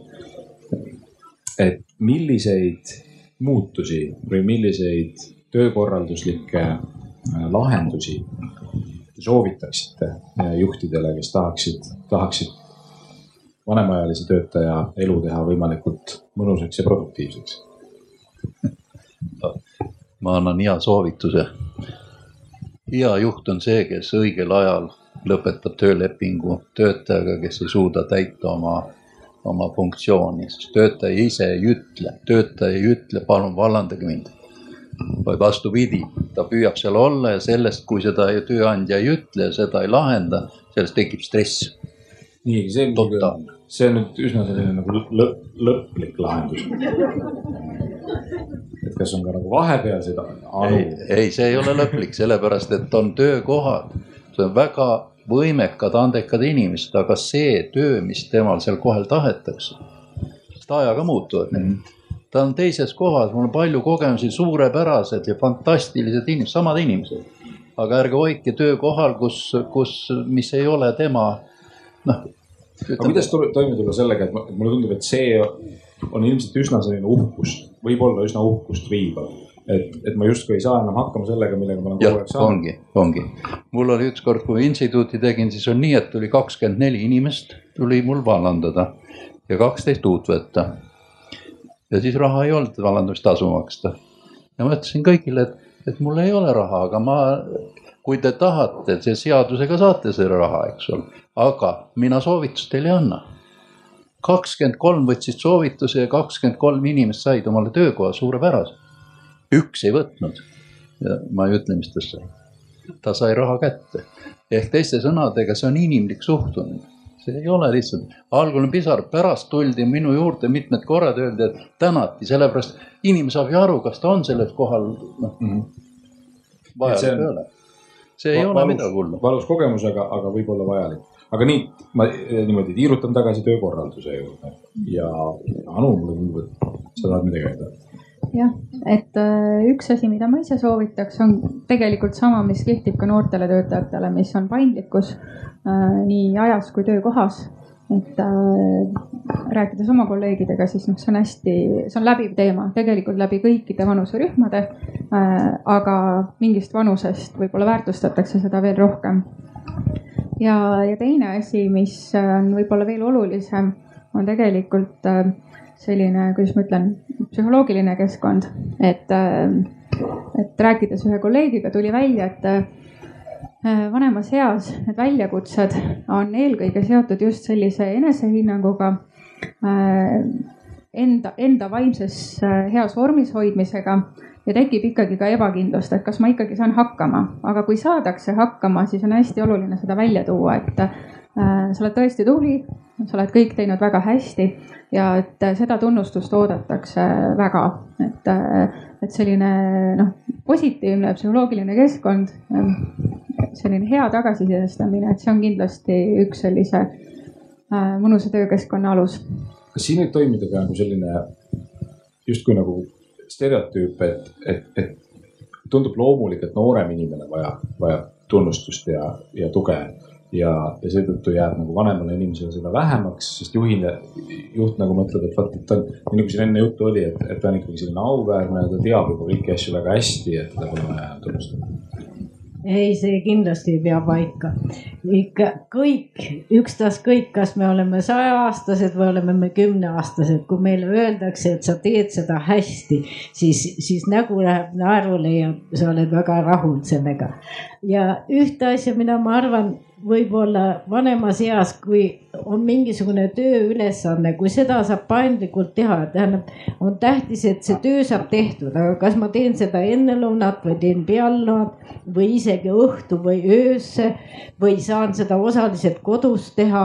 ja, ja see tänapäeval see arvutiga ja kodus tegemine läheb ikka rohkem ja rohkem öö, moodi nii noorte kui vanades ja see on ka tähtis, mitte ainult, et sa pead seal kaheksast viieni istuma või kaheksast kolmeni või mis see tööaeg on, vaid et sa saad ühe ülesande, saad selle ülesandega hakkama ja saad selle tunnustuse, see on minu meelest väga tähtis. Mulle endale tundub, et äh, seal on tegelikult kaks sellist perioodi, kus inimesed on hästi haavatavad, et üks on naistel tavaliselt siis, kui nad äh, lapse saavad, natukene aega on kodus või hakkavad koju jääma, nagu mina siin kuu aja pärast. ja teine tegelikult on äh, siis, kui äh, saabub pensioniga ja mõlemal puhul tekib küsimus identiteedist, et kes ma siin elus olen. noh, lapsevanemate puhul, et kas ma siis olen nüüd ainult see lapsevanem või ma tegelikult olen näiteks tippspetsialist või tippjuht ja, ja tegelikult samamoodi inimesed inimesel, kes pensioniikka jõuab, tekib see küsimus, et äh, kas ma nüüd olen see nii-öelda pensionär, eakas, vanur või ma olen endiselt see tippspetsialist, tippjuht või siis ka lihtsalt ükskõik, mida ta varasemalt tegi ja see töö on nii tugevalt seotud tema identiteediga. ja kui ta nüüd äh, endiselt töötab, siis ma arvan, et äh, see tunnustus aitab tal tegelikult säilitada seda identiteeti, sest äh, ühiskonna poolt ta saab seda sildistust, et sa oled nüüd pensionär või noh, lapsevanemate puhul, et sa oled nüüd ema või lapsevanem või kodune. et seda sildistust tuleb ju kogu aeg kuidas ikkagi tulla toime selle äh, dünaamikaga, mis vaatamata sellele, et me oleme paljusid müüte kuumutanud, on ilmselt paratamatus see, et, et mõnes tegevuses see, mida ma tegin vanasti, enam ei tööta, et ta ei anna sama head tulemust. Äh, on mul siis lihtsalt, eks ole, südame-veresoonkond ei tööta nii hästi või, äh, või, või on mu tähelepanu nõuab nagu rohkem hoolitsust väljapoolt, et ma suudaks keskenduda et kuidas endaga rahu teha, et ma ei ole enam, eks ole, meistersportlane, et ma olen veteransportlane. seal on, seal on see tunnustus, et, et äh, ka juht saab aru, et okei okay,, nüüd anname sulle ühe teise ülesande või vähem ülesandeid või, või midagi niimoodi, aga siiski hindab sind kui töötaja. Ma tahtsin ka seda siia juurde öelda, et, et ähm, ma arvan, et kõige olulisem on see, et, et, et arutada, eks ju, et, et kui ikkagi ei ole Äh, sellel töökohal näiteks võimalus pakkuda kohta, ta ei tule toime lihtsalt ja ei ole seda töökohal enam ühtegi sellist väärikalt no nii-öelda vananemist lubavat töökohta, siis nii tulebki ausalt nagu rääkida ja, ja pakkuda siis võib-olla võimalusi siis, et, et ta otsib kusagilt mujalt, saab hea soovituse veel kaasa. aga kui on näiteks selles asutuses selliseid, selliseid kohti, kus ta saab täiesti väärikalt, ta tunneb, et tal on võimed, mida, kus ta nagu kontrollib seda oma funktsiooni või seda tööd. seetõttu ma arvan, et inimestel on ikkagi oluline see, et ta saab aru, et ta kontrollib, tal on nagu oma vastutus, ta tuleb oma tööülesannetega toime. jah, paindlikkus on väga hea, aga lõppkokkuvõttes ma teen selle töö ära ja see on mulle jõukohane. et mina isiklikult arvan, et väga vähe on ikka neid, kes üldse aru ei saa enam, et ta ei tule tööga toime, et noh, nendel on hoopis teised probleemid. aga kui tal on ikkagi vaim korras, siis ta saab aru, et ta ei tule toime ja talle endale ka meeldib ikkagi töö, millest ta üle käib rahulolu pakub. tahtsin Kairet küsida, et kas see sama küsimus, mis enne, et kas see kõlab, kõlab tuttavalt ähm,. mõeldes selle peale, mida te, mida te Rimis. ma tegelikult isegi kerin tagasi, ma ikkagi äh, küsiks veel niimoodi, et, et äh, kas Rimi pidi midagi muutma äh, selleks, et olla avatum vanemaealistele töötajatele Äh, ma ei ütleks, et olulisel määral ja, ja noh, ma saan ainult kinnitada siin äh, eelkõnelejate väiteid. ma võib-olla tooks äh, selle veel siia juurde, mida ma ennem ka välja tõin, et samas võib-olla mingites asjades ma enam nii produktiivne siis ei ole, aga need muud asjad kompenseerivad, eks see sõltub kindlasti ka sellest tööst, mida ma tegemas olen. et kui mitmekesine see töö on ja kas selle töö mingid osad on sellised, millega ma võib-olla täna isegi tulen võrreldes varasemaga paremini toime ja me saamegi suunata seda inimest rohkem võib-olla panustama sellesse elementi konkreetselt. nii, ma annan korra publikule sõna, sest jah. Et haaraks sõnasabast ja ütleks, et siit jäi kuidagi väga kõlama see mõte, et paindlikkust suurendada ja lihtsalt jäin selle peale mõtlema, et tegelikult on üks selline omadus, mis töö juures on väga tähtis ja mis just nimelt ähm, noh, nii-öelda eaga kasvab ja see on äh, selline distsipliinitunnetus ja, ja noh, nii-öelda valmisolek teistega arvestada. Noortel inimestel on sellega probleeme, aga väga palju on neid ameteid, kus tegelikult töö sõltub üksteise tegevusega kooskõlast või koordinatsioonist ja sellisel puhul on tegelikult vanematel inimestel väga selge eelis, sest nad saavad sellega palju paremini hakkama. lihtsalt tahtsin selle mõtte siia lisada. jah, aitäh, et see on äh, selles mõttes oluline raam, et kui, kui meie senine vestlus matemaatiliselt kirjeldatav nagu liikumine niimoodi miinusest nulli, eks ole, et ütleme, et, et ei, ei ole seda häda ja teist häda, et tegelikult äh, tuleks lubada sellel nähtusel liikuda ka nullist pluss ma võib-olla tahaks küsida eelkõige Kairelt, aga äkki ka Anut, et äh, kas on ka mingit klientidepoolset tagasisidet siis äh, seenioritele, et, äh, et noh, üliõpilaste puhul saime aru, et kui sa oled tark, et siis vanus antakse andeks. aga et kuidas teistes sektorites on? Meie kõige vanem töötaja on kaheksakümne aastane, väga vitaalne ja, ja karismaatiline proua ja see, kui palju tema klientidelt kiitusi saab Äh, ületab ikka pika puuga noori kolleege, et äh, ma arvan, et siin jälle ei ole küsimus selles äh, eas, vaid pigem selles, mismoodi sa oma tööd teed ja, ja kui sa teed seda hästi, siis seda märgatakse ja seda tahetakse tunnustada. kas ma võin vahele ühe repliigi öelda, et, et see ei ole Rimi, aga see on teenindus- või kaubandussfääris, et, et mina isiklikult, ma, ma, ma olen mõelnud selle peale, et, et no näiteks me, me rääkisime senioritadest, eks ju, kes lähevad kaubamajja endale garderoobi ostma. mina isiklikult, olles seniorita, kui olen seniorita, tahaksin, et klienditeenindaja oleks ka seniorita, kes oskab mulle eakohaseid asju soovitada.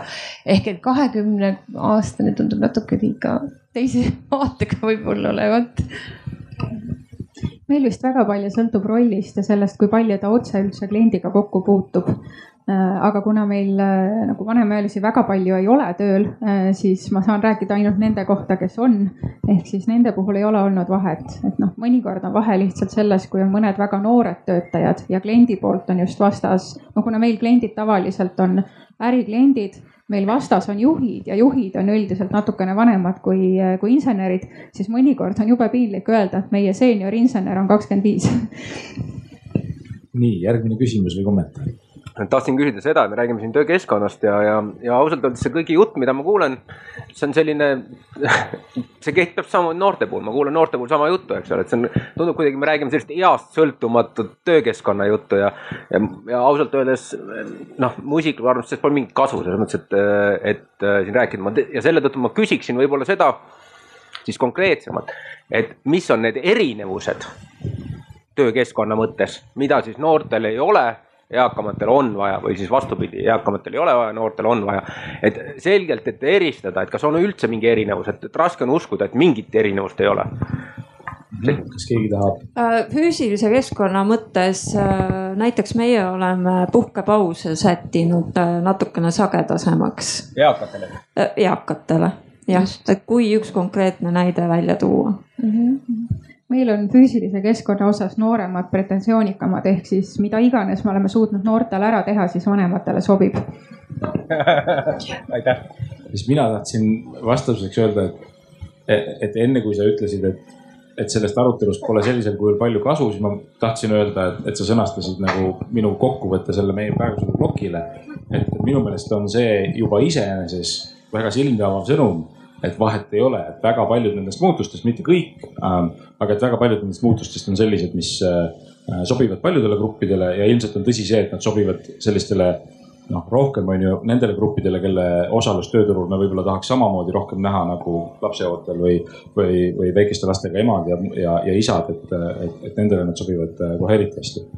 aga üks küsimus veel. mul on lugu et äh, ma, ma, oli rõõm juhtida ühte teletoimetust äh, viis aastat ja, ja pidin ka palju inimesi tööle võtma või noh, mõned. Ja, võtsin ühe siis mitte, ma ei taha vanemaealine öelda, äkki keegi solvub, aga, aga endast vanema inimese ja see oli niimoodi, et üldiselt teles on niimoodi, et soovitatakse ikka nooremaid võtta nagu nooremaid ja telegeenilisemaid. aga mina ikkagi võtsin, võtsin siis jah endast vanema inimese ja alguses oli selles mõttes tegelikult oli keeruline, et, et inimene nagu ise ka ei uskunud päris sellesse, et see töö talle sobib, et seal olid ka mingid digipädevused olid vaja omandada ja, ja kuidagi nagu noh, uuesti ennast nagu kurssi viia sellega, et kuidas see töö täpselt käib. Ja siis me nagu tegelesime sellega või noh, alguses endale nagu tundus ka, ma ise ka mõtlesin, et oleks ikka pidanud mõne noorema võtma ja, aga polnud nagu võtta ja siis ja siis äh, aasta aega läks mööda ja siis selgus, et me olime kõige parema inimese, kes võimalik oli nagu võtta, äh, võtnud, sellepärast et siis temast sai kohe krõpsti nagu minu ülemus. Et, et ma ütlen, et see on nagu usu küsimus on ju, et, et see, see, kes võtab tööle, peab uskuma, et tegelikult see on nagu hea mõte ja see, kes tuleb tööle, peab ka uskuma ja noh, seda tuge saama nagu, et et ta saab sellega hakkama ja siis lõpuks ikka on parem nagu vanemaealine tööle võtta kui mitte. aitäh. mul on tunne, et see on tõepoolest äh, tööandjate ja nende esindajate mõtteviisi küsimus ennekõike, et see on palju vähem igasuguste objektiivsete tingimuste ja, ja keskkonna küsimus, aga just nimelt sellise hoiaku küsimus mm. -hmm. kas sellega on paneel nõus? mina olen täiesti ma arvan, et, et psühholoogina tead ise, kuivõrd stereotüüpne mõtlemine või ütlemine mõjutab tegelikkuses ka seda, kuidas inimesed hakkavadki ka endast mõtlema ja käituma, eks ju. nii on, et meil on isegi vanade kohta öeldud, noh, nii kole nagu stereotüüpne sõna nagu seniilsus välja mõeldud et kui nüüd äh, tuua nagu see üks selge vastandumine välja, et, et kus tõesti on raske äh, vanemaealisi tööle saada, on lihtsalt seetõttu, et äh, IT-valdkonnas need teadmised ja oskused on lihtsalt nii uued et äh, inimesi, kellel on äh, seda nagu raamistik, teadmist, mille pealt edasi õppida, neid on noh, lihtsalt väga vähe. aga tegelikult inimesed, kes on vanemad ja olnud näiteks äh, inseneriametis, võib-olla mõnes teises valdkonnas, siis neil on see baas olemas, mille pealt õppida. aga et neid üles leida, et noh, see on see suur keerukus ja tegelikult kogu IT-valdkond peab üks hetk sellega vastamisi olema ja päriselt neid inimesi ka otsima ja vanemaealised on ka õppe, õppimisvõimelised, nii et ärge, et tööandjad või, võiks mõtelda sellele, et ka vanemad inimesed tahavad midagi juurde õppida ja on võimelised õppima, võib-olla natuke aeglasemalt, võib-olla natuke teisiti, aga on nõus õppima. õpivad teistmoodi, sihuke erandtokoogika või mis see oli? aga. kas keegi, keegi oskab natuke seda sisustada, et mis mõttes teistmoodi, et mis et, et kuidas vanemaealise õppimine teistmoodi käib?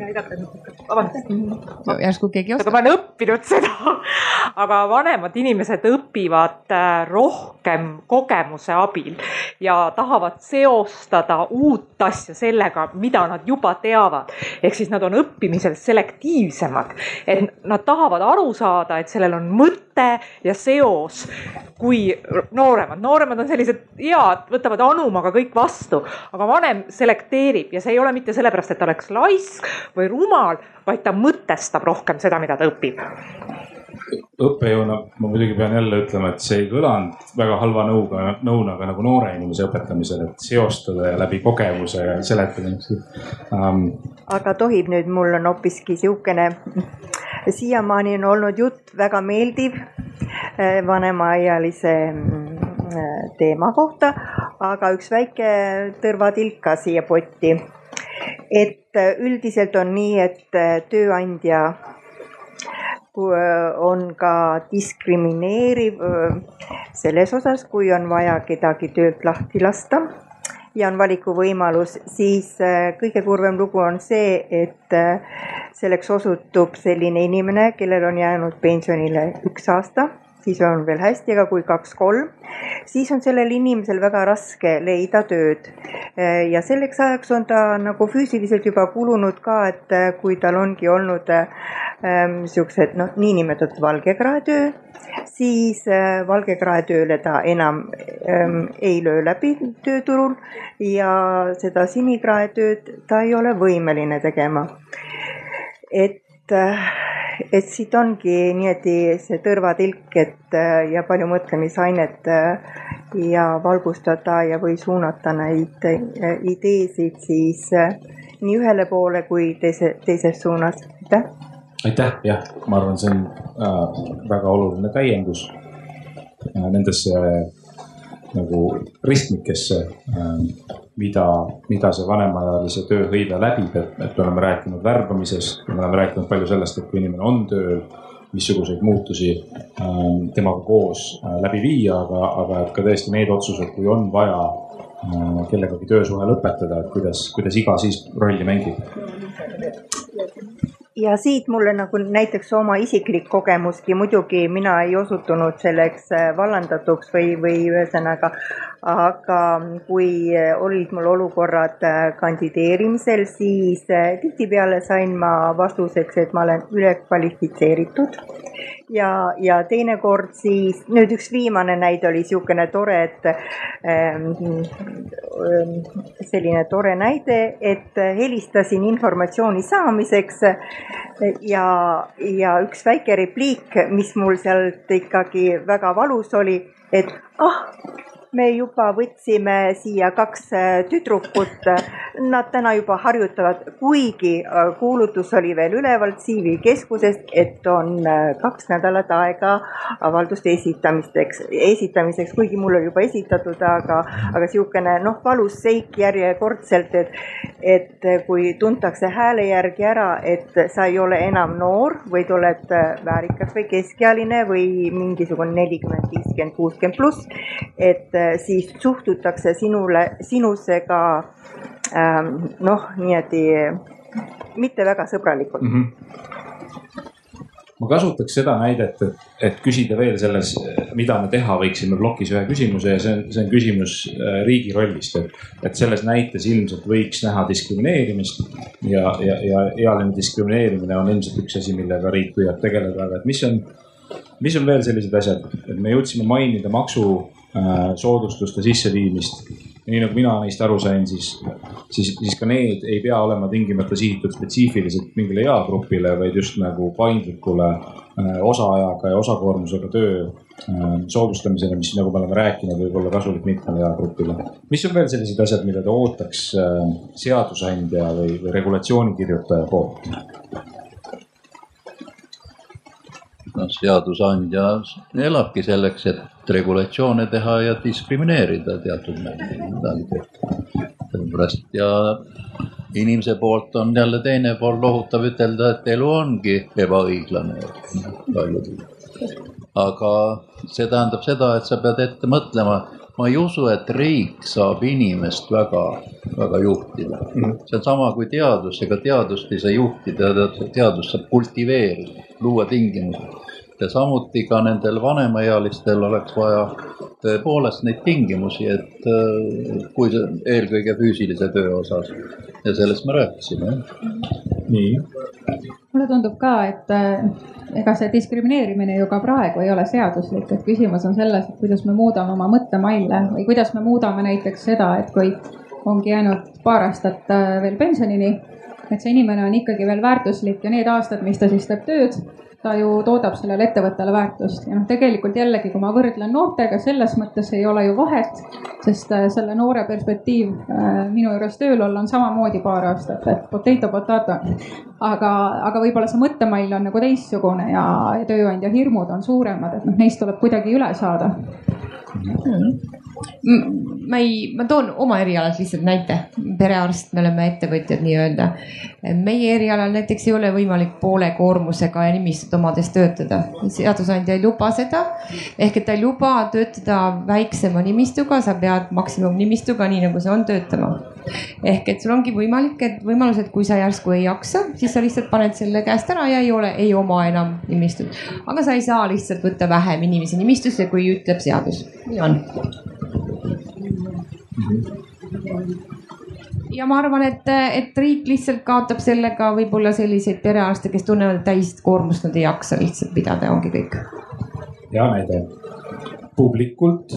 ma korraks ütleks veel sellist natuke sellist noore vaadet et äh, ma olen selles mõttes hästi sellega nõus, et kui näiteks vanem inimene ees, et võtamegi mingi lihtsa asja, et näiteks teha korralikult, et siis ta läheb, ütleb sellele noorele, et näed, et võta ära see siit või pane paremini või, või üldse, et nad ei, et ma usun täiesti, on õpivõimelised ja tublid ja mina näen seda ka, et samamoodi nagu kümme aastat tagasi me arutasime, et miks kahekümne aastasel noorel peab olema kümme aastat töökogemust, on ju, siis täna me arutame selle üle, et noh, et miks on see sooline diskrimineerimine.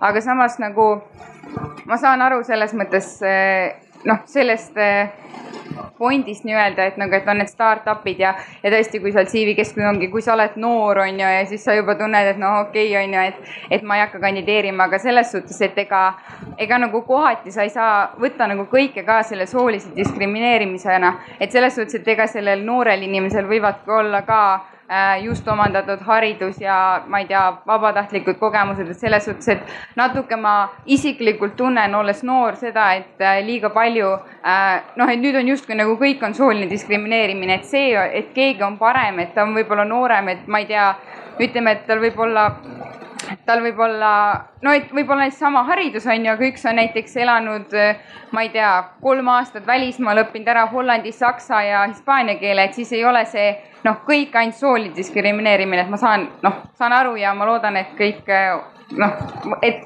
et selles mõttes nagu paraneb ja ma saan aru, et see on, ei ole alati nii suured probleemid, aga kui ma nagu vahest vaatan radarit ja seal on näiteks, et, et noh, vanem naine räägib, et minu asemel võeti mingisugune nolk tööle, siis noh, selles suhtes sellel nolgil võivad, võib ka olla juba haridus ja kogemus ja me ju tegelikult kõik tahame, et noored jääksid koju ja läheksid tööle, mis iganes. selja taha see äh, edasi, aitäh. Um, kas keegi siit või publikust oskab seda diskrimineerimisküsimust natukene täpsustada?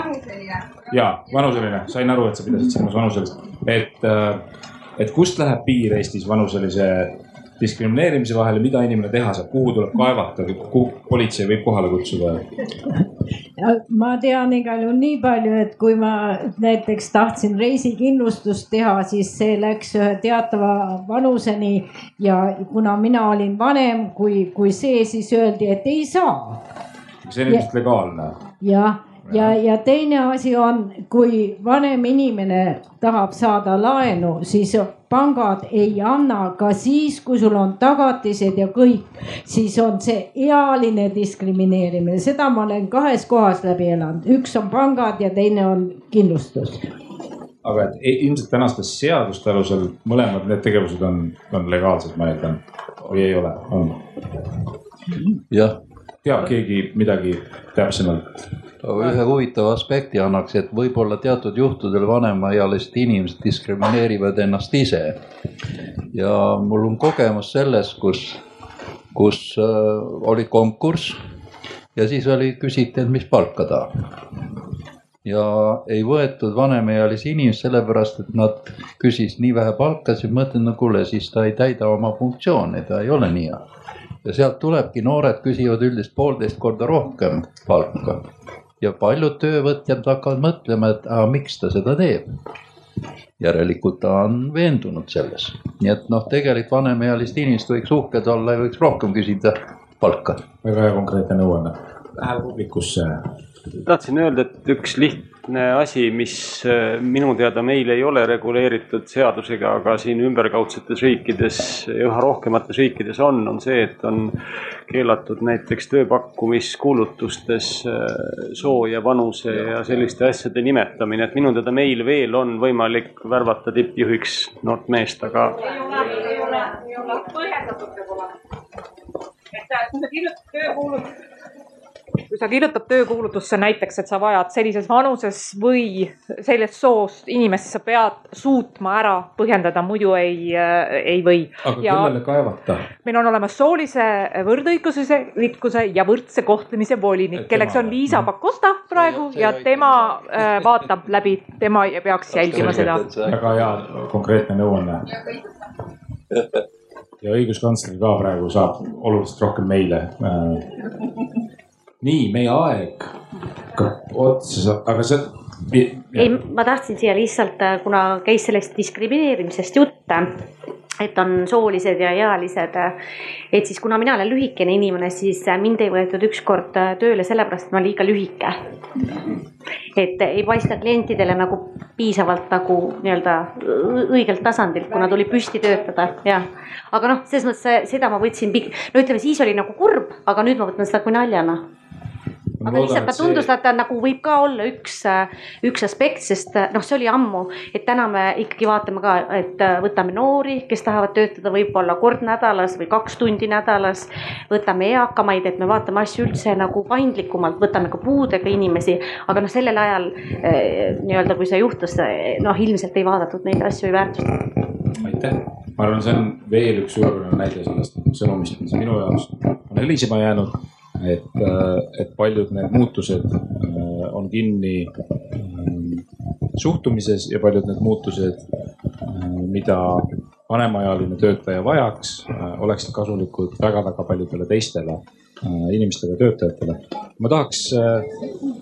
lihtsalt üks mõte võib-olla nagu tuleviku aruteluks, et ähm, noh, täna on hästi palju juttu olnud, et vanemaealine inimene on distsiplineeritud ja noh, seal on, ütleme, tööväärtused on nagu paigas ja aga me räägime, kui me täna räägime vanemast inimesest, siis me räägime tegelikult sellest põlvkonnast, kes on tulnud karmist nõukaaegsest koolist, noh, mina kaasa arvatud, et kus oligi kord ja distsipliin. aga et see uus põlvkond on ju X-id ja Y-id ja R-id, ma täna nägin uus mingi termin et huvitav, et mis siis juhtub, kui nemad ükskord vanaks saavad, et kas see on täitsa nagu teistmoodi noh, eakas inimene. et see võiks võib-olla tuleme kokku, ma ei tea, kolmekümne aasta pärast ja, ja räägime uuesti seda juttu, et kas me siis kuidagi seda küsimust vaataks hoopis teise vaatenurga alt kõik põlvkonnad on tegelikult ju läbi aegade rääkinud, et noorus on hukas ja tegelikult saavad neist täiesti normaalsed inimesed, et mina ei tea, ma ei usu sellesse ikkagi elu lihvib need nurgad maha kõik, on ju. tundub ka, et, et ühe korraldajana oled sa suurepäraselt sõnastanud äh, Arvamusfestivali kaks tuhat nelikümmend üheksa ühe, ühe teema, ootame teid siis kõiki sinna tagasi. Äh, aga et tänase arutelu tahaksin lõpetada jälle Sven Lõhmuse sõnadega. iga uus päev loob võimalusi avastada maailma, käimata teed on ootamas veel meid. aitäh.